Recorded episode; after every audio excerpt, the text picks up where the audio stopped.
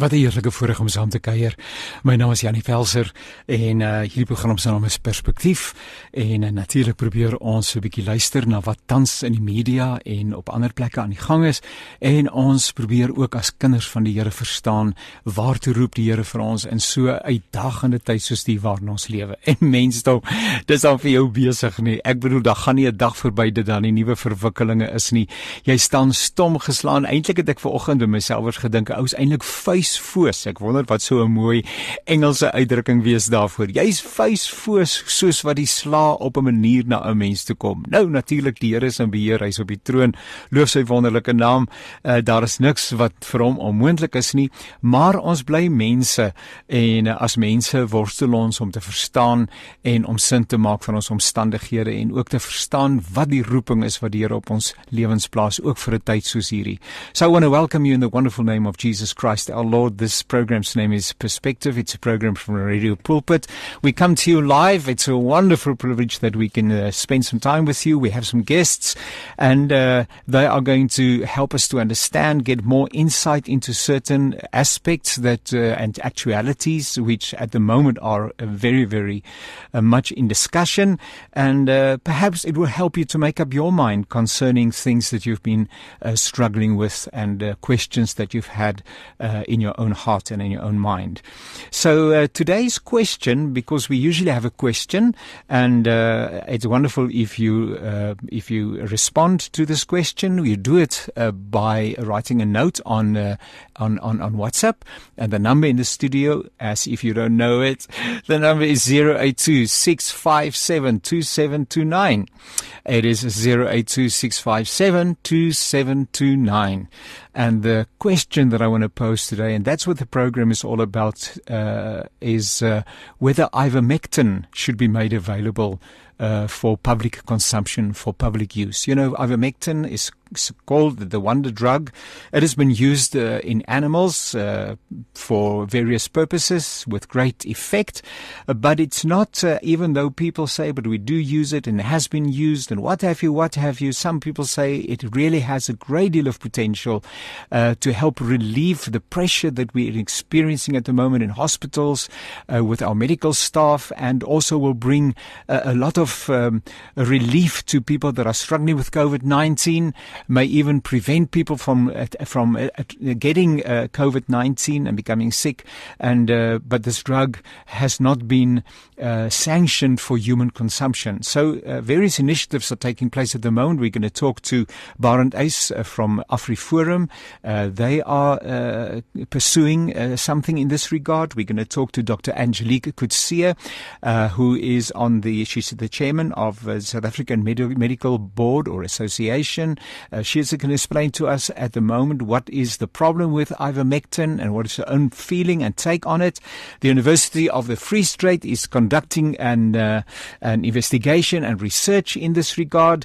Uh, there is a press release coming from uh, SAMA uh, towards one o'clock this afternoon. A lot is happening, and we're going to uh, give you some insight and some information regarding these developments. So 082 657 And my question today is, and please start with your name. It's nice if it's nice and personal. My name is Yanni Pelser, and you could just say, yes, my feeling is that it should be okayed, or no, wait a minute, I believe that the, uh, that the, the risk is too big, or the risks are too big, or whatever it may be. You have a, you have a meaning you have a perspective. Why not share it? And in this way, we get to uh, an understanding of what people ground level people, uh, also Christian people in particular, what they are feeling regarding the issues of the day. So, uh, ivermectin, dis eintlik 'n mooi woord in Afrikaans of 'n moeilike woord is ivermectin as jy hom in Afrikaans sê. Ons sê maar sommer vir kort ivermectin want dit is die manier waarop mense daaroor praat. En my vraag is vandag, moet dit gewettig word vir menslike gebruik? U volg self die media, u sien hoe dit mense daaroor gesels en die vraag is of dit wel beskikbaar gestel moet word vir menslike gebruik. En uh of dit spoedeisend is. Ag nou ja, jy het 'n perspektief. Ek hoor baie baie graag van jou en uh, dan deel ons dit ook met ons uh met ons ander luisteraars en dit sal lekker wees as met jou naam begin. Jy mag mos sê hoe jy voel. My aarde tog, dis een van die groot wonderlike wonderlike gawes wat die Here vir ons gegee het en uh dis wonderlik. Nou ja, hier is al klaar. Ehm um, o hier hier is hy net vir jou Janine en ek sien wat staan hierso. Ek dink moet ondersoek word dieselfde Meyer wat so sê. Nietemin, so ons gaan nou uh by uh is by by die ander uh boodskappe uitkom. Daar's 'n hele klomp boodskappe wat reeds ook op uh op Facebook inkom. Ehm um, maar kom ons gesels in die eerste plek met uh Barend Eis en hy is verbonde aan uh ehm um, Afriforum. Hy is uh daar ehm um, die hoof van navorsing. Goeiemôre Barend, hoe gaan dit met jou? Goeiemôre, baie goed, dankie. Baie baie dankie. Ja, baie dankie dat ons kan saamkuier. Ons waardeer dit. Uh Barend, nou julle bring 'n dringende aansoek. Ek sien hierso, het ek maar Sondag in die in die Sondagkoerant gesien dokters pleit nou vir Ivermectin en uh en dat uh, Afriforum dien 'n dringende ondersoek by die Hooggeregshof in Pretoria in teen die gesondheidsowerhede om dokters toe te laat om Ivermectin vir hulle COVID-19 pasiënte te gee. Dit verwys na dokter George, George Kutse van Silver Lakes wat in hofstukke hofstukke aanvoer dat hy namens sy COVID-19 pasiënte, 3 van hulle waarvan een reeds gesterf het, ehm um, hierdie versoek wil bring. Uh kan jy vir ons agtergrond gee asseblief? Ehm um, ja, met graagte. Ehm um, so die vinnige agtergrond van ons hofaansoek is ehm um, dat dokter Kutse waarvan jy nou gepraat het, hy het drie aansoeke ehm um, volgens artikel 21 um, van die medisyne wet, eh, wet ingedien by SAPRA om goedkeuring te kry om hierdie drie pasiënte van hom met ivermectin te behandel en hulle is COVID-19 pasiënte en tot datum het SAPRA nog nie eers sy aansoeke beantwoord nie. Natuurlik het hy dit self opgevolg. Ons het met SAPRA opgevolg um, met 'n regsbrief steeds geen antwoord gekry nie. Dit ons geen ander keuse as om die hof te nader met 'n hele paar versoeke nie waarvan die een versoek is dat hierdie artikel 21 aansoeke goedgekeur word, maar ons versoek dan ook dat ehm um, Tapra die minister van gesondheid en die DG van gesondheid se opmerkings oor die veiligheid van ivermectin in tersyde gestel word en ons vra ook vir verklarende bevele onder andere oor artikel 14.4 van die medisynewet wat vir dokters die reg gee om medisyne te laat saamstel. Baaren dit maak 'n ou bietjie bekommerd as jy sê en jy noem dit as 'n feit naamlik dat uh, ten spyte van korrespondensie met die Suid-Afrikaanse Gesondheidsprodukte Beheerraad uh, SAPRA soos wat jy dit dan nou in Engels dan nou genoem word of SAPRO ehm um, dat daar geen reaksie was selfs net 'n erkenning van korrespondensie en sê ons gee hier aan aandag of ons volstaan of enigiets van daardie aard wat daarom sê dat hulle die moeite doen om uh, om daarom vir jou aan te hoor nie Ja en en, en ons weet dat dokter Kutse nie die enigste dokter is wat nie 'n antwoord gekry het nie. Ek het byvoorbeeld gister die voorreg gehad om deel te neem aan 'n webinar waar dokter Paul Marik van die FSA een van die deelnemers was en en ook 'n plaaslike dokter en hierdie plaaslike dokter het presies dieselfde ondersteuning gehad. Haar aansoeke is nie eens beantwoord nie. Ek het um, ek het navraag gedoen uh by uh Suid-Afrikaanse Gesondheidsprodukte Beheerraad om te hoor of hulle ehm um, dalk aan hierdie program wil deelneem. Hulle het my verwys na 'n media vrystelling uh wat vanmiddag plaasvind uh, om 1uur en ook vir my die besonderhede gestuur waar 'n mens dan nou dalk kan inskakel met sprekers wat die hele saak gaan beredeneer. Uh 'n uh, mens vertrou dat uh, daar dalk 'n ander standpunt guldig word want my verstaan is dat op hierdie stadium uh hierdie Suid-Afrikaanse Gesondheidsprodukte Beheerraad uh aandui dat dit nie geskik is vir menslike gebruik nie. Ja, ek dink weet jy Janie, ek dink dit is die kern van hierdie ding waar dit nodig is om te gesels. Ek dink kom ons begin net by die belangrikste ding om reg te stel. Die ivermectin waarvan ons praat en waaroor ons hof aansoek gaan, is nie 'n dieremedisyne. Dit is baie belangrik. Ivermectin word al vir dekades lank deur miljoene mense gebruik. So ivermectin, ons weet dit is baie veilig, ons verstaan baie mooi wat die interaksies is tussen ivermectin en ander medisyne en daarom weet ons ons kan dit veilig gebruik. Nou net om te verduidelik hoe veilig dit is, die Wêreldgesondheidsorganisasie het dit gelys as een van hulle noodsaaklike medisyne en die ontdekkers van hierdie medisyne het in 2015 die Nobelprys vir medisyne gekry. Dit is ietsie oor ivermectin. Dan aan die ander kant en dit is iets wat Sapra nou herhaaldelik sê is dat daar nie genoegsame bewyse is vir die gebruik van ivermectin nie. Nou die groep dokters wat die voortou neem om om in die wêreld ivermectin gebruik te kry is die FLCCC. Dit is 'n groep dokters wat regtig in die heel voorste loopgrawe teen COVID-19 veg.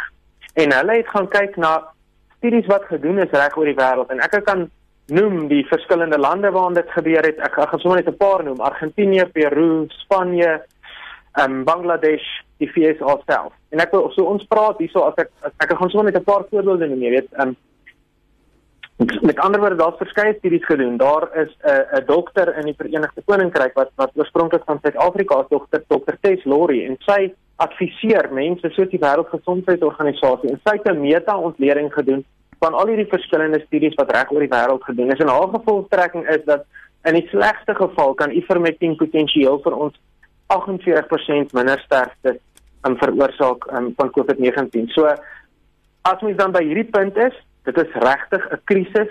Daar's mense wat elke dag doodgaan en die ongelooflike impak wat dit het, het op op hulle geliefdes en die samelewing oor die algemeen en aan die ander kant het ons natuurlik gesondheidswerkers wat regtig onder geweldige druk verkeer. Dan moet ons mos nou 'n risikovoordeel ontleding gaan doen. So kom ons sê, wat is die risiko en die voordeel gekoppel aan die gebruik van ivermectin? Wat is die risiko? Ivermectin is bewys dit is baie veilig. Met ander woorde, die risiko gekoppel aan die gebruik daarvan is baie laag. Wat is die potensiële voordeel? Ons kan potensieel lewens red. Ons kan potensieel mense help om vinniger te herstel van COVID-19. As jy na daai risiko voordeel ontleding kyk, dan kan jy nie aan weet tot 'n ander gevolgtrekking kom as om te sê ons moet ons moet dit begin gebruik nie. En ons sê weer eens, die potensiële voordeel wat getoon word in die studies wat tans wêreldwyd gedoen is, is genoegsaam om die besluit om die besluit te neem. Die ander risiko voordeel ontleding wat jy moet doen is, wat is die risiko en voordeel gekoppel daaraan om ivermectin nie te gebruik? Nou, die risiko om dit nie te gebruik nie is dat burgers van ons land gaan voortgaan en al meer van hulle gaan probeer om van die dieremedisyne in die hande te kry en hulle gaan daai dieremedisyne gebruik sonder die nodige toesig van van mediese dokters en dan kan daar nou dinge na twee kante toe verkeerd loop. Mense kan hulle self oordoseer en dit kan hulle skade veroorsaak of hulle kan hulle self onderdoseer wat dalk kan veroorsaak dat die virus nou kan weerstand opbou teen hierdie medisyn. En wat is die potensiële voordeel daaraan om dit nie te gebruik nie? Die voordeel is ons gaan iets nie gebruik nie wat ons dalk later gaan agterkom help nie soveel. So as jy na beide hierdie risikovoordeel ontledings kyk, dan is die logiese ding om te doen in 'n krisis om te sê gee vir dokters hierdie stuk gereedskap. Onthou ons sê nie maak dit vir mense beskikbaar nie. Ons sê ons wil hê dokters moet die vryheid hê om ivermectin as deel van hulle behandeling vir COVID-19 dat hulle dit so kan gebruik as hulle dit graag wil doen. Natuurlik met die instemming van hulle pasiënte. Nou baie mense kan sê die owerheid kan sê maar ehm um, die gesondheidsowerheid kan sê maar die uh, enstof is op pad. Uh, daar word gesê teen einde van die week uh, die eerste 500 000 dosisse, dis nou maar tussen die los en vasgemaal van die beskikbaarheid daarvan al dan nie wat 'n mens raak lees en die res is op pad en ons gaan 20 of 40 miljoen van die bevolking gaan ons inent. Uh die die die die redding, die uitkoms is op pad. Uh, waarvoor sukkel julle nou met uh, iets so ehm um, so so so ja nee, dit is nie dis nie belangrik nie. Jy het mos eintlik tyd, ja. Ja, ek ek dink dis baie belangrik. Dit is 'n verskriklike belangrike vraag. So die vraag is is die is dit wat ivermectin doen en wat 'n potensiële enstof doen dieselfde? En dit is belangrik om te verstaan, dit is glad nie dieselfde nie. Die hoofdoel van 'n enstof is om te keer dat jy die siekte kry of as jy dit kry om te keer dat jy ernstig siek word daarvan, nê. Nee, breedweg kan mense dit vir eenvoudiging so sê. Wat is die doel van ivermectin? Die hoofsaaklike dryf veral van ons kant af vir die beskikbaarstelling van ivermectin. Ivermectin kan ons help om mense gesond te kry wat siek is. Dis glad nie wat 'n enstof doen nie. So dis die eerste belangrike argument. Selfs al is enstowwe beskikbaar, gaan mense steeds siek word en dan gaan ons steeds nodig hê om 'n medisyne te hê wat die mense kan help om gesond te word. Goed, dis die eerste ding. Die tweede ding is die regering sê ons gaan enstowwe beskikbaar kry. Hulle is baie skie om vir ons die nodige inligting te gee oor hierdie enstowwe. Um, en met ander woorde, ons sê vir mekaar die wanneer gaan dit wees wat enstowwe regtig algemeen beskikbaar gaan wees? Kom ons noem dit vir die algemeen vir die meerderheid van die bevolking. 500 000 of 'n miljoen is baie ver van 60 miljoen of 40 miljoen af.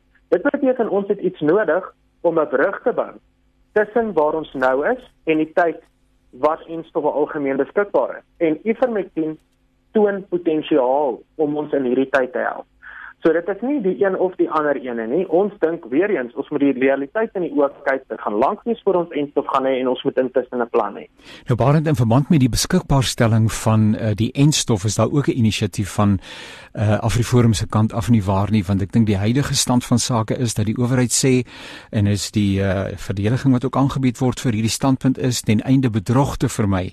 Uh, uh word die spesifieke ehm um, enstof sal dan net deur die owerheid self versprei word in deur hulle eie kanale. Daar's ook inisiatief van julle kante wat dit betref. Ja, um, Afriforum saam met Solidariteit en met ook die instofsaak aangepak en ek dink daar is oorsaaklik twee kwessies. Die een groot kwessie is ons kry nie inligting nie.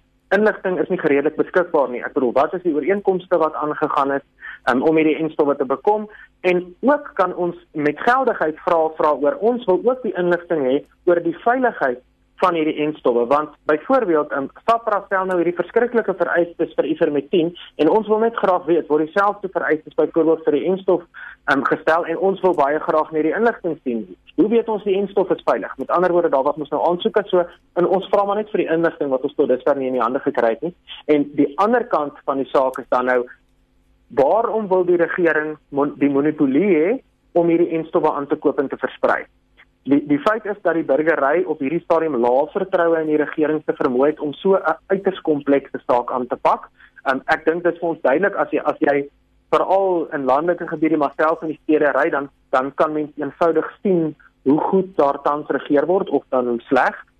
En ons weet in Suid-Afrika speel privaat maatskappye en mediese praktisyns speel 'n enorme rol om om die mense van Suid-Afrika gesond te hou. En daarom is dit mos nou logies dat ons moet sê jy kan nie in 'n pandemie sê wag 'n bietjie ons wil net monopolie hê om iets te doen nie. Die die die die benadering moet andersom wees. Ons moet sê ons het enige iemand en almal se hulp nodig om so vinnig as moontlik die grootste hoeveelheid um, burgers te help.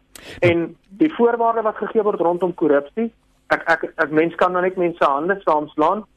Die regering het byvoorbeeld aan in, in terme van COVID hulpleniging het hulle soort van alleenreg gehad op reuse bedrae vir ons en dit het nou dis nou oop en dis vir almal om te sien daar was reusagtige um, korrupsie gepleeg. So deur te sentraliseer verhoog jy die kanse vir korrupsie. Jy gaan juist deur desentralisering en jou eiers in verskillende mandjies dit gaan jy jou kans om korrupsie te voorkom verbeter. Waarend en net dit op net, wat is die pad wat nou geloop moet word rondom die aansoek wat gebring word uh, met betrekking tot Ivermectin? Ehm um, so ons het ons het die ons die hoofstukke is, is Vrydag beteken. Ehm um, Sapra het geantwoord en gesê hulle gaan ons opponeer.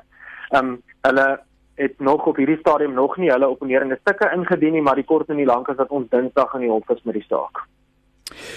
Baie baie dankie Barend ook eh, dat julle die belange en ek dink ons het soos jy reeds gesê het, ons het alle rolspelers nodig, en eh, naamlik ook die belange van noem dit maar Jan publiek op die harddra uh en dat mense ten minste erkenning moet kry van korrespondensie wat gerig word veral wanneer dit daarom nou nie van Jan Rapp en sy maat kom nie en in die tweede plek dat 'n mens daarom inligting uh moet kan bekom uh en ek weet dit is op die oomblik 'n stryd om regtig betekenisvolle inligting van die owerheid te kry met betrekking tot uh ook die entstowwe en die verspreiding daarvan en alles wat daarmee saamhang. Sterkte met julle inisiatief. Mag dit baie goed gaan. Waardeer hoor.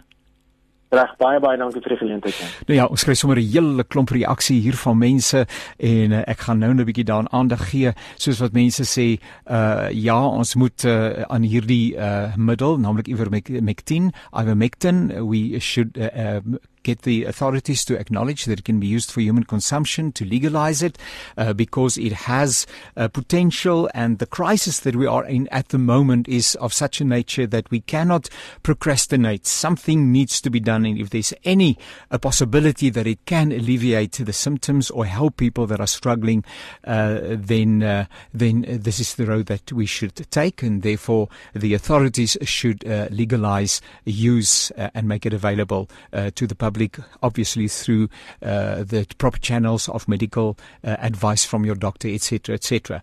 Ehm um, moet ons moet uh, ivermectin beskikbaar gestel word vir menslike gebruik?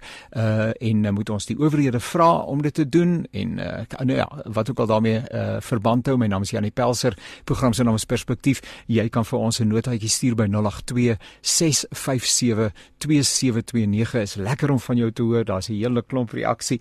Ons waardeer dit. Sê vir my wat jou naam is. En uh, jy het 'n mening. Jy het 'n mening. Kom julle kom Suid-Afrika. Kom ons begin te sê hoe ons voel oor 'n ding. Maar kom ons sê dit stylvol en ons doen dit op 'n manier wat daarom ook ons Christelike getuienis nie skaad nie.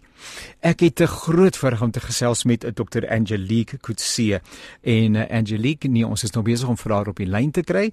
Uh kom ek sê intussen uh, dat uh vanmiddag uh so het ek nadat ek by die Medisyne Beheer as Afrikaanse Gesondheidsprodukte Beheerraad uh SAPRA 'n navraag gedoen het en gevra het of hulle sou deelneem aan vandag se program op hulle webtuiste is daar 'n baie baie uitvoerige dokument uh, met al die argumente vir en teen die gebruik ehm um, van hierdie spesifieke middel ivermectin, ivermectin en uh, dit is daar beskikbaar. Jy kan dit gerus gaan lees, maar daardie spesifieke vrystelling, persvrystelling is die 6de uh, eh, Januarie. Is dit um, is dit uh, is dit beskikbaar gestel? Uh, en um, Ek wil net vinnig my notaatjie so lees. Uh, hier is ons Dr. Kutse is 'n paar minute laat, so ek gaan vra dat my uh, regisseur so lank vir my daardie pers that insert if you can get that ready so long.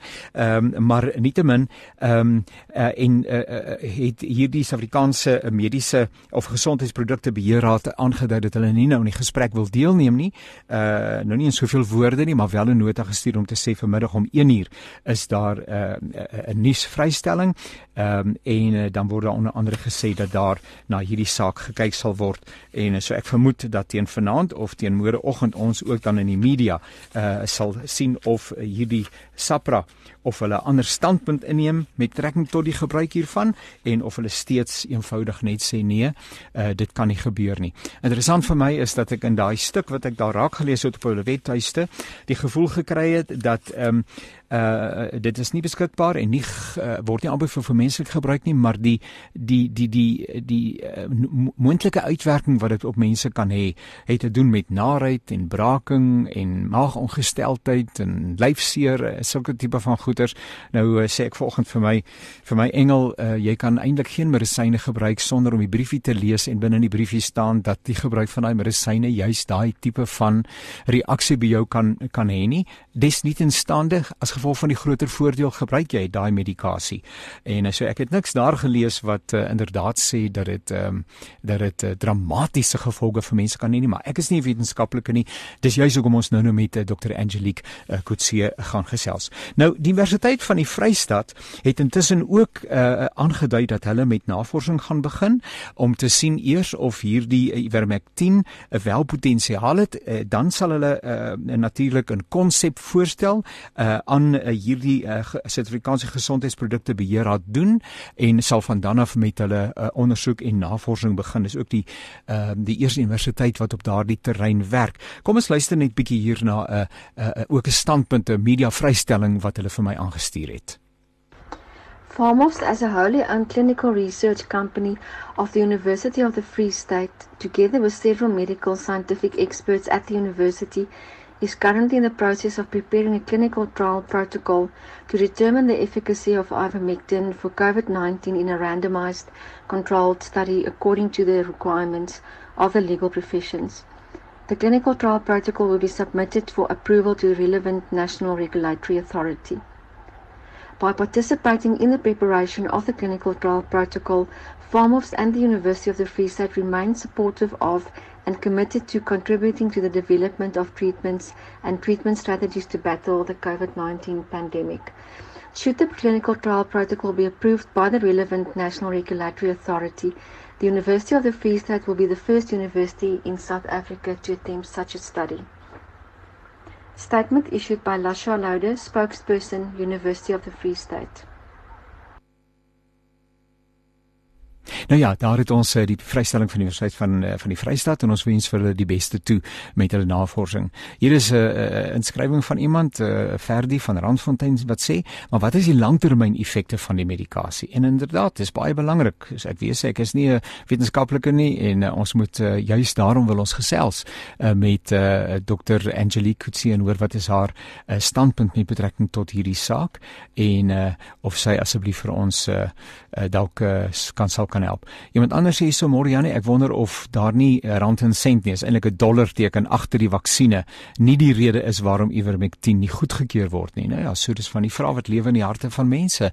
Is dit moontlik dat dit eintlik die rede is waarom ehm um, hierdie middel nie goedgekeur word nie? Maar ek wil ook nie myself skuldig maak aan allerlei samesweringsteorieë nie. Daarvan is daar genoeg en ons wil glo dat uh, mense eerlike bedoelings het. Kom ons aanvaar dit van mekaar ook van die verskillende uh, instansies wat te doen het met goedkeuring en uh, navorsing en dis meer en dis meer. Ag ons is eintlik al moeg daarvan om altyd uh, agter elke handeling en beweging uh, iets sinister te gaan sien, nê. Uh, dis nie so lekker nie. So uh, kom ons uh, kyk uh, of ons dalk daar verby kan kom en ons vertrou uh, vir elkeen. Nou my regisseur dui vir my aan ek het iemand op die lyn. Is dit dokter Kutse? Nou ja, daar is dit. Goed, dokter Kutse, hoe gaan dit met u vanoggend? Nee, gaan baie goed. Ehm um, ek weet klagtes nie, dit gaan ons nie help nie. Ja. baie dankie dat jy deelneem. Ek weet u is besig. Uh u is benewens al die werksamehede as wetenskaplike uh en dis meer uh, nou is u ook 'n gewone dokter. Anderstekens nie dat dit minder wetenskaplik is nie, maar u sien ook pasiënte uh en dit maak dit eintlik baie besonder dat u ook op 'n manier naby aan die hartklop van mense op grondvlak beweeg en ek is seker dat die mense en hulle vra sekerlik vir u baie baie vra uh, oor die gebruik van Ivermectin en uh, die wenslikheid daarvan en die smeer. Kan ek net eers vir u vra? Uh, ek het hier uh, laat nou net sien waar was daar ek het nou soveel korrespondensie hierso. Ehm um, maar ja, die die die Suid-Afrikaanse Medisyne Beheerraad uh, uh, SAPRA uh, en ja. SAMA, dit is nou Suid-Afrikaanse wie is dit nou? Dis nou ja? wie wie's ons en wie's hulle? Wie's wie's julle en wie's hulle? Ja.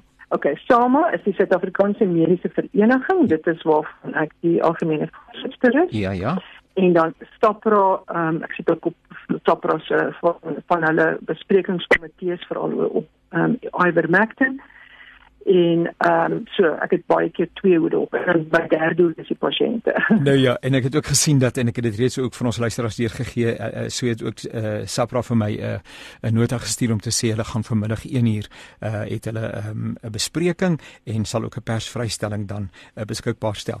Uh, die hele saak rondom Ivermectin is geweldig emosioneel en 'n mens kan dit verstaan want Suid-Afrika is in die drukgang en terwyl uh, mense in lande van die wêreld uh, wat ekonomies bemagtig is, uh, selfs soos ek gister geluister het na ons staatspresident, 4 keer meer as die totale bevolking uh van daardie ehm um, van daardie enstof bekom. Hy noem die woord hoarding uh bymekaar maak amper 'n gulsige bymekaar maak is dit die armer lande van die wêreld en ons is in Afrika. Ons stel seker ook onder daardie mense uh, wat aan die agterspeen suig. Ehm um, so ons ons ervaring op grondvlak is hierdie enstof kom nie by ons uit nie. Ag die belofte van 500 000 hier en 'n miljoen daar, uh, die gaan nie vir my help uh, redeneer mense nie. En hier is mense wat wat sê maar hierdie middel kan inderdaad 'n uh, uitkoms bied. Help vir ons asseblief. Okay, so daar is regtig ek het vandag op 'n stadium vir iemand gesê daar is baie dokters lyk like dit my nou daar buite en baie kenners op die gebied van COVID-19. Ja. Ehm um, in in in uh jy weet ek ek, ek vind dit um, altyd baie amusant want die punt nommer 1 Ehm um, alhoewel ivermectin op die wêreldgesondheidsorganisasie se noodsaaklike lys van geneesmiddels is, is dit nie geregistreer vir COVID-19. Dit word hoofsaaklik vir menslike gebruik, hoofsaaklik gebruik in baie erge wat ons noem scabies en in uh, river blindness, ehm um, is, is die ander wat ons nie in Suid-Afrika het nie en soms ehm um, sal dit uh, daar aangevra word vir 'n uh, onder seksie 21 by Tapra met vir iets anders te kan gebruik behalwe vir waarvoor dit goedgekeur is. So ook as jy dit wil gebruik vir skybies in Suid-Afrika, gaan jy ook nou ehm um, deur na SAPRA toe moet gaan en vir hulle gaan sê luister, ek het hierdie pasiënt wat op niks reageer nie, ek stel voor ons gebruik hierdie volgende middel. So die middel is wel vrylik beskikbaar vir diere, maar dit is iets anders. Dit is 'n dis 'n ander dosering, 'n ander samestelling. Jy weet, ehm um, ek sien dat daar gereeld mense is wat die inspuitingsvorm nou sommer op hulle arm spuit of hulle drink dit. Dit maak geen sin vir my nie. Ehm um, jy weet, uh, want dit is vir dierlike gebruik. So alhoewel die die die die, die middel die die primêre middel ivermectin is is die is die ehm um, samestelling van daai middel nie ehm um, alles wat vir menslike gebruik veronderstel is om te ge, uh, ge, weet te gebeur nie. Maar ehm um, dan ook ivermectin is by in geen land ter wêreld waarvan ons bewus is goedgekeur vir gebruik van COVID-19 nie. Ehm uh, ek dink dit is belangrike goed wat ook jy sê want mense vertel ons allerhande goed jy weet dit is in die min dit is daar en weet jy dit is dit is op die lys en ja dit is maar weet dit alles wat op die lys is is nie te sê ek sê nou nog vir iemand sê dis nie te sê dat as jy ehm, 'n um, middel kan gebruik vir sekere siekte wat op die lys is kan jy nou sommer gaan gebruik vir vir 'n hartaanval jy weet. Dis nie waarvoor die middel goedgekeur is nie die middel is goedgekeur vir 'n spesifieke doel En Stapra het weer eens deur ek dink nou die derde keer wat hulle nou deur al die studies gaan om te gaan kyk is daar studies wat regtig vir ons wys wat is die dosis wanneer moet dit toegedien word kan dit voorkomend gegee word en indien dit voorkomend gegee word weer eens wat is die dosis en watter tipe pasiënte? As dit in 'n intensiewe sorgeenheid gegee word wat is die dosis saam met wat kan dit gegee word het dit 'n positiewe um, uitwerking. As jy gaan kyk na die studies, is dit is dit nie um, soos wat die die die, die Engelse term is, is nie conclusive nie. Dit is nie wat die bevolking wil hoor nie. Die bevolking wil iets anders hoor. Hulle wil hoor hierdie is die wondermiddel. Daar is nie 'n wondermiddel. Nou, maar mense verstaan die emosie daar agter. Ehm um, en, en en en ek het net ook gesê ek is nie wetenskaplik nie, so ek praat nou maar sommer ehm um, benewens die feit dat ek die aanbieder van die program is, maar ek praat soos 'n gewone mens. En uh, hm? dan sou 'n ou wonder of 'n mens nie iewers die gevoel kry dat iemand sê uh, ons gaan spoedeisend hier aan aandag gee. Indien daar enige potensiaal is in hierdie middel, uh, gaan ons alles in ons vermoë doen om verby al die romslomp te kom en uh, die aansprake wat mense maak want ek het ook al oor radioprogramme geluister hoe dit mense inskakel en sê dat hulle die middel gebruik en dat dit heilsaam was. Ehm um, en in die in die lig daarvan ek het nou nog gehoor oor die radio op pad hier na die ateljee toe. In die uh, uh, uh, 3 maande gelede was 50 miljoen mense in die wêreld geïnfekteer het was op 'n stadium geïnfekteer met met COVID-19. In die afgelope 3 maande het dit met 'n verdere 50 miljoen mense uh toegeneem. Ons is nou op 100 miljoen mense. In Suid-Afrika het ek gelees gister eergister uh op netwerk 24 die Engelse uh kanaal dat uh, die COVID sterftes in Suid-Afrika op meer as 100 000 gereken word uh, alhoewel die amptelike syfers ver daarvan is. Ehm um, so nou so as ek dink as Jan publiek iewers iets hoor van my julle ons hoor julle uh en ons is dringend besig om hier aan aandag te gee. Op die SAPRA uh webtuiste was was daar 'n uh, persvrystelling wat die 6de Januarie uh, gemerk was. Ek het dit in detail gelees. Uh die die die die waarskuwingsligte wat gegee word uh, en en en, en dis my verstaan asseblief verskoon as ek uh, ek probeer nie hm? dokter wees nie. Maar maar die neeweffekte wat hierdie middel by mense kan hê is weglaatbaar want ek drink 'n uh, Ponado en as ek die foubeljet oopmaak dan sê hulle jy kan naar wees, jy kan jekkerig wees, jy kan dit wees, jy kan 'n bietjie maagongesteldheid beleef. En so nou ek besef daar's nie studies vir die teendeel nie, maar wat nou van studies uh, of dan nou ten minste van mense die empiriese getuienis maar ons het dit goed gebruik uh, en om daai mense bymekaar te kry en te sê maar kom vertel vir ons wat was die simptome? Wat het jy beleef? ensovoorts ensovoorts. Daar word tog deesdae ook aandag gegee aan empiriese navorsing nie net akademiese studie nie. Ek vra asseblief dokter Angelique help my ek wil nou vir jou vra nou wie die hel dink jy gaan nou hierdie studies doen? Ons vra dan nou die hele tyd vir die dokters daar buite gee ons die studies. Sê vir ons wat wat ervaar jy? So ver is daar niemand wat dit doen nie. So nou moet jy nou hier stop moet Sapra moet iets goedkeur wat wat nie op sy tafel beland maar wat ek wel kan sê ek kan wel sê dat die universiteit van die Vrystaat en Stellenbosch ek het gesien gaan gaan gaan wel um, studies saam met Sapra doen of nie saam met op. Hulle gaan die studie doen. Ehm um, en want daar seker goed wat moet gebeur. Ek bedoel ons is nie 'n land ons is nie 'n land waar elke ene uh uh kan doen net wat hy wil nie. Ek bedoel ons as dit nog steeds is daar riglyne wat gevolg moet word. En um, veral met medik met met met medikasie. Want onthou, die oomblik wat ons sê ehm um, ivermectin kan gebruik word, moet ons vir jou 'n dosis kan gee. Dis reg. Ons moet vir jou die kan sê saam met wat kan jy dit gebruik? Waarvoor moet jy oppas? Daai daai nie daar is nie. Ek bedoel Sapra kan dit nie uit hulle duim uitsuig nie. Dit kan nie, hulle kan dis nie hulle wat dit moet doen nie. Dit dit is die die medisy, is die groepe daar buite wat, wat wat so verskriklik kan is uh, uh, uh, weet veg om hierdie hierdie goed in te kry. Hulle moet hierdie studies doen. Hulle moet met Sapra in aanraking tree. Sapra, nee. ek bedoel dit is wat Sapra is. Hy kry studies. Sapra is nie die ou wat hierdie goed gaan doen vir jou nie. Jy moet dit doen. Uh, goed dan wil ek net sê maar ek wil ek, ek, ons tydjie is kort en en en asseblief uh, u ken vir my ons ons het al mm. voorheen gekuier my hart is weer regte plek en uh, ons ek ek ek ek besef dat ons moet in alles verantwoordelik en verantwoor van van woord van woordbaar optree that, that yeah. is that is our responsibility and uh, we can't expect anything else from the authorities but at the same time it is just spoke to a gentleman from uh, from AfriForum and uh, he spoke because they're bringing a um, a plea before the the Hooggeregshof Pretoria Pretoria uh, namens uh, Dr Gideon uh, waar is die naam ek het hom nou net hier so Gideon uh, George Kutse van Silver Lakes. Ehm um, ja. hy het voorleggings gedoen aan SAPRA Afriforum het en hulle sê dat hulle uh, bewus is van ander dokters en hulle nie eens ontvangs erkenning ontvang van hulle navraag nie. So nou ek kan nie namens hulle praat nie. Ek kan nie namens hulle praat nie, maar ek wil net sê ek kan regtig nie ja. namens hulle praat nie, maar jy moet gaan kyk as jy studies doen. Ja dit daar 'n sekere hoeveelheid um, mense wat moet um, deelneem aan hierdie studies daar sekere protokolle wat gevolg word. Ek kan nou nie instaan vir wat um, Dr George sê gedoen het. Maar ek kan wel vir jou sê dat die Vrystaat en die Stellenbosch Universiteit volg die regte regte um, pad. Ja. En ehm um, dat mense net een ding onthou as as ek as 'n dokter vir jou sê jy kan ivermectin gebruik en dit is ja. nie goedkeur deur ja. SAPRA nie en jy het een of ander neeweffek op dit. Ja. Kan jy my gaan dagvaar? Jy kan my na die mediese raad toe vat. En ja. ek weet wat ek gaan dit verloor. Ja. Want nee. ek het dit nie gebruik. Dit is nie goed gekeer vir die gebruik van COVID-19 nie. Maar ek verstaan hoeveel hoeveel keer jou buurman sê dit het vir hom gewerk nie.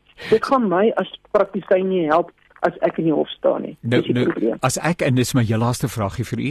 Uh dit is hipoteties. Kom ons veronderstel ek mm -hmm. het COVID-19 onderlede en dit gaan nou al dramaties sleg met my en ek versoek dat op my eie verantwoordelikheid, ek neem die verantwoordelikheid op myself dat COVID dat hierdie ehm um, drug, hierdie uh, middel aan my toegedien moet word. Ehm um, met ander woorde ek onthef die dokter van alle blame en ek sê ek neem die verantwoordelikheid sou dit iets wees want in die geval van Dr George uh Kutsie is dit namens 3 van sy pasiënte waarvan een reeds gesterf het. Uh en kom die pasiënt en dit sê nou nie soveel so dat die pasiënte gesê het ons aanvaar verantwoordelikheid nie, maar ek praat nou maar oor myself as 'n senior ja, burger. Watter dosis gaan jy nou gebruik? Ja, ek weet nie, ek sal maar sê gee my die ja, ek sal sê gee my die bottel. Nee, dosis nie. ja. Probleem, ek, so en, ja. en gaan ek dit dan vir jou gee? Ja. Nie regtig nie. Want weet jy wat, ek is nog steeds eties gebind. Ek verstaan dit. Tot wat wat op die riglyne is. It's not maar so easy. Maar as hulle as hulle môre sê dat ivermectin kan gebruik word, ja. gaan ek daar buite kan vir al die dokters sê, asseblief gebruik ivermectin en hier is die dosisse wat jy moet gebruik. Maar tot en dan moet ons die riglyne volg. Weet jy wat is die beste raad vir COVID-19 om dit nie te kry nie? Hier ou vier goedjies, dra jou masker, was jou hande. 1.5 meter en en en en en en, en, en nou jou ventilasie ehm um, waardes reg. Ja, en pak bietjie die kaste by die huis. Ek pak bietjie die kaste by die reg, by die huis reg. Bly by die ja. huis, vreeslik. Dokter Angelique, altyd so voorreg om saam met okay. u te gesels. Baie dankie hoor, ek waardeer en dankie dat u vir ons 'n baie belangrike perspektief op die tafel bring. Seënwense hoor. Okay. Totsiens. Bye. Nou ja, julle sien uh, guys, uh, every issue has two sides to it and so so that's this is what our program is all about. It's weighing these alternatives because on the one hand we have AfriForum and they says, "We come uh, uh, on behalf of this particular doctor, and this is what the doctor asks, etc., etc." And we understand the emotion behind it. People are under an um, incredible amount of pressure at the moment. On the other hand, we have scientists and says, "But listen, there is a way." And did have you thought about the consequences if a doctor does give this drug to somebody, and then afterwards, you know what people are like? We know ourselves, eh? I mean, we know what we've been. What are we made of? We just turn around and we say, Doctor, but you should have known better. So how do you balance this? This is so so important. Ek gesels baie baie lekker nou. Ek sien so dan uit met 'n uh, professor Talita Gryiling. Hallo Talita. Goeiemôre. Jong hierdie wêreld sou nie brand hê. Dit klink my so. Dis 'n interessante wêreld. Ten minste is daar baie om oor te gesels so aan en Talita ons het in ons voorafgaande gesprekke bietjie gesels oor daai ivermectin ehm um, wondermiddel wat sommige mense sê 'n wondermiddel en Barend Eis van Afriforum het gesê ons wil hê daar moet spoedeis en daaraan aandag gegee word. Dr Angelique het sê het gesê julle ouens maar ons het 'n stuk verantwoordelikheid in die verband en ons kan nie sommer net als oor kop en 'n ding instorm nie. Intussen voel dit vir my asof die samelewing uh uitmekaar uitval. Our wellness is nie meer so. We not we not well not anymore. Our well-being has been challenged and compromised. And this is something that you do studies about. Please tell us what is it that you do and then tell us how do we how do we go on with life in the midst of so much uncertainty? Why don't we just go and and I know I'm coming from a faith perspective and all of that, but just from a humanities or a scientific or whatever approach you want to take, why should I uh, get up this morning and say, listen, yes, I don't even know if I'm going to come back from the shop and whether I'm not going to be infected. But what helps me to continue with life, choose life in spite of all the uncertainties that we are struggling with at the moment? Help vir ons asseblief. Well, um, the one thing I must say, I'm an economist, so I'm a scientist. Yes. On how we feel, I can only give or report on what we find once we've done data analyses. And the data analyses we do is we run different type of econometric models. So in this case, all is very data driven. Yes. The data that we use is whatever is tweeted on the on Twitter. Yes. And we take those tweets and we analyze the sentiment behind these tweets. And lately we've also looked at the underlying emotions in those tweets. So we look at anger, fear, joy, um, anticipation. So it is what is in the words that people say. And from that we can derive, number one, we derive the index. And that index can tell you what we call the mood of a nation. Now, as you mentioned, the mood of a nation is at the, one of the lowest points ever. Now, we can normally judge it from what we see around us, but what is around us is not normally representative. But with this index, we have a measure of what South Africans say, and this is more than 11 million um, Twitter users on about 60,000 tweets per day. So this is not just what we think, but it's scientifically proven. And I can tell you that the mood is really, really low in South Africa at this stage. Uh, and and you and, and it's very interesting that you actually take the words that people express because words have meaning. And when I'm saying Yeah. I feel challenged, it says something, and, and those words should be taken seriously. Ja, waarvan die hart vol is, loop die mond oor. Inderdaad. So, so dit is wat ons uit dit wat mense skryf in um op in tweets. Het hulle al 'n bietjie oor gedink, hulle het iets gehoor en dan gee hulle opinie daaroor. So as ons uit daai tweets kry dat mense regtig vrees Vrees het toegeneem met amper 90% en die vrees is baie relevant tot COVID en dan ook die vaksines. En um now, from an economic point of view, what you want in a country is a, a very good mood. So you want your happiness and spirits to be high. There's a few reasons for this. Because number one, as economists, it contributes to being productive. Yeah. So it increases production. Indeed. It it also increases health. So mental mental health has is one of the biggest indicators of health in general. So if mentally people are concerned, they are scared, anxiety is high, it can influence their health in general. And that's exactly what we don't want during COVID time. We want the opposite. Then there's also things like if you have a more positive mood, it's a conducive environment to learn, to study. It's also influences your crime rate. Crime rates come down. So if you can take anger out of your society, you've got a positive influence on various dimensions. And that is obviously what we want. Um, and at this stage, we've got the opposite. I also believe that when people uh, suffer from, and what you said, that they express their feelings, it's anger, it's fear, it's uh, um, it is being scared. Uh, as you said, that the sentiment, the mood in South Africa, that of the nation, is at it at an all-time low. That people tend to just grab anything that comes their way as a possible as a possible solution to their to their challenge. And as I said today, and I'm not taking sides for or against ivermectin. I'm not a scientist. I don't know enough. But um, but the, the, the, the discussion is extremely emotional because uh, because people are Uh, they face death on a daily basis. I mean, th- this is our reality. We are being confronted with death like never ever before, and now people just take they want to take shortcuts to solutions. As I, I said previously, I can only report on what the data tells me. Yes. So it's on data analyses. And on the data that we've analyzed, we do pick up a lot about death, which we haven't picked up before. A lot of people have been touched by death and close by, so within their community, within their family, within their friends. And this really brings a negative mood. It's a sadness that we haven't picked up before. It's high level than before.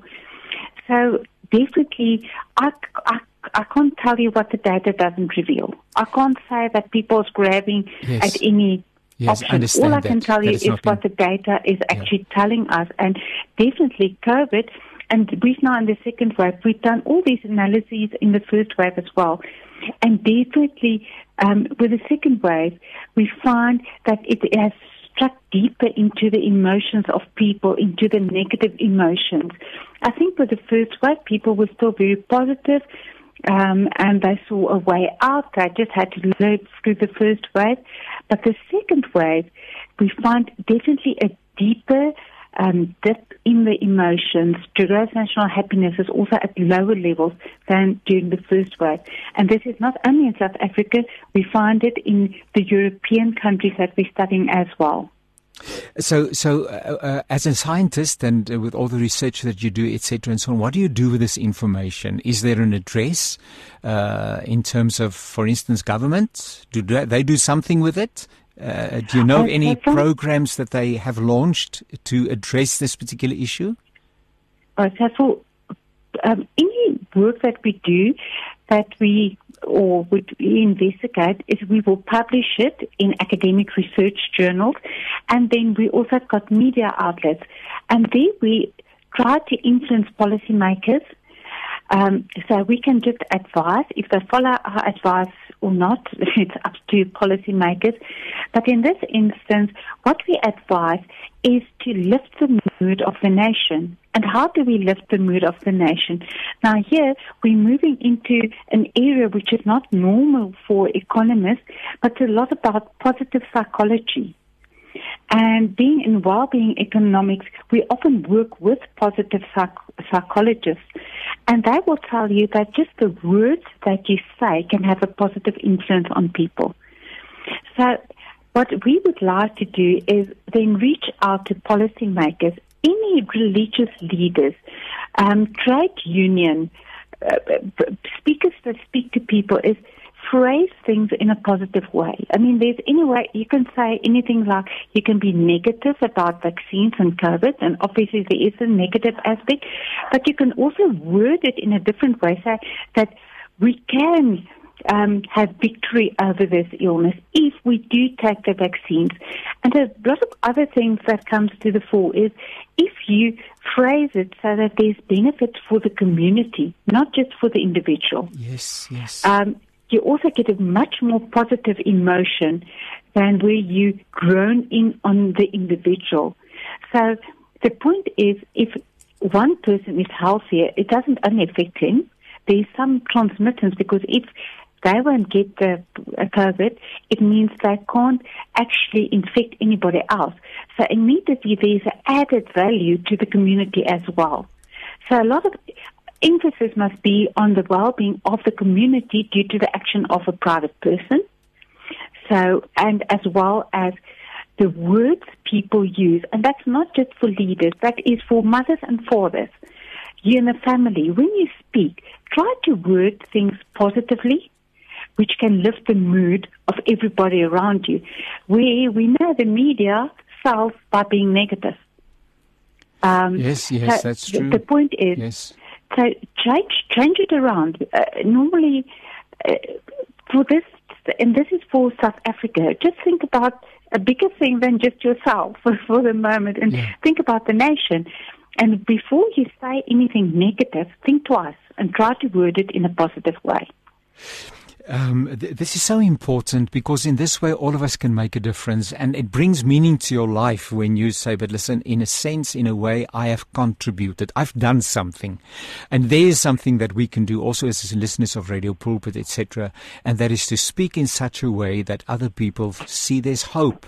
And, and, and just the phrase, this too shall pass. I've heard it in the last week or so. I don't know even who used it, but it's a phrase that just continually uh, goes over and over in my my mind, you know, and, and, and, and it creates hope. And especially when you can speak it to other people and say, yes, this is dark, it is, uh, etc., but this too shall pass. And I mean, that is as sure as, as is, as the sun coming up this morning. That is, that is absolutely sure. This too shall pass. And it means that we have to just cope with it until that time uh, becomes a reality. Yeah. And the point is that our most valuable asset is time. Yeah. So you can choose how you spend your time. You can spend your time being negative, yeah. being sad, being angry. Yes. But you can also choose time to be positive, happy, playful. Um, and with that vibe, you can make a difference in the community, your family. So it's it, it's a choice. Um, so the point is, and every t- every moment of the day which you choose to be negative, I mean, it's, it's your choice, but why do you want to spend time being negative, even with any scenario? And um, I think really it, it, it's everybody should think this is a, this is a pandemic. We, we are in a pandemic. But are there things that we can see that's positive in this and highlight the positives and do not concentrate on the negatives? Uh, thank you so much, uh, Professor uh, Greiling. It's so nice speaking to you, and I'm smiling behind the microphone. If you could see me now, I've decided I'm going to smile. It's going to be a good day. Uh, I've got reason to believe that. What keeps you, just uh, in in a nutshell, because I can hear that you are a positive person, uh, in spite of. So, what keeps you positive and motivated as a person? Um, so, as a person, what keeps me positive is um, I love life. We're still living it.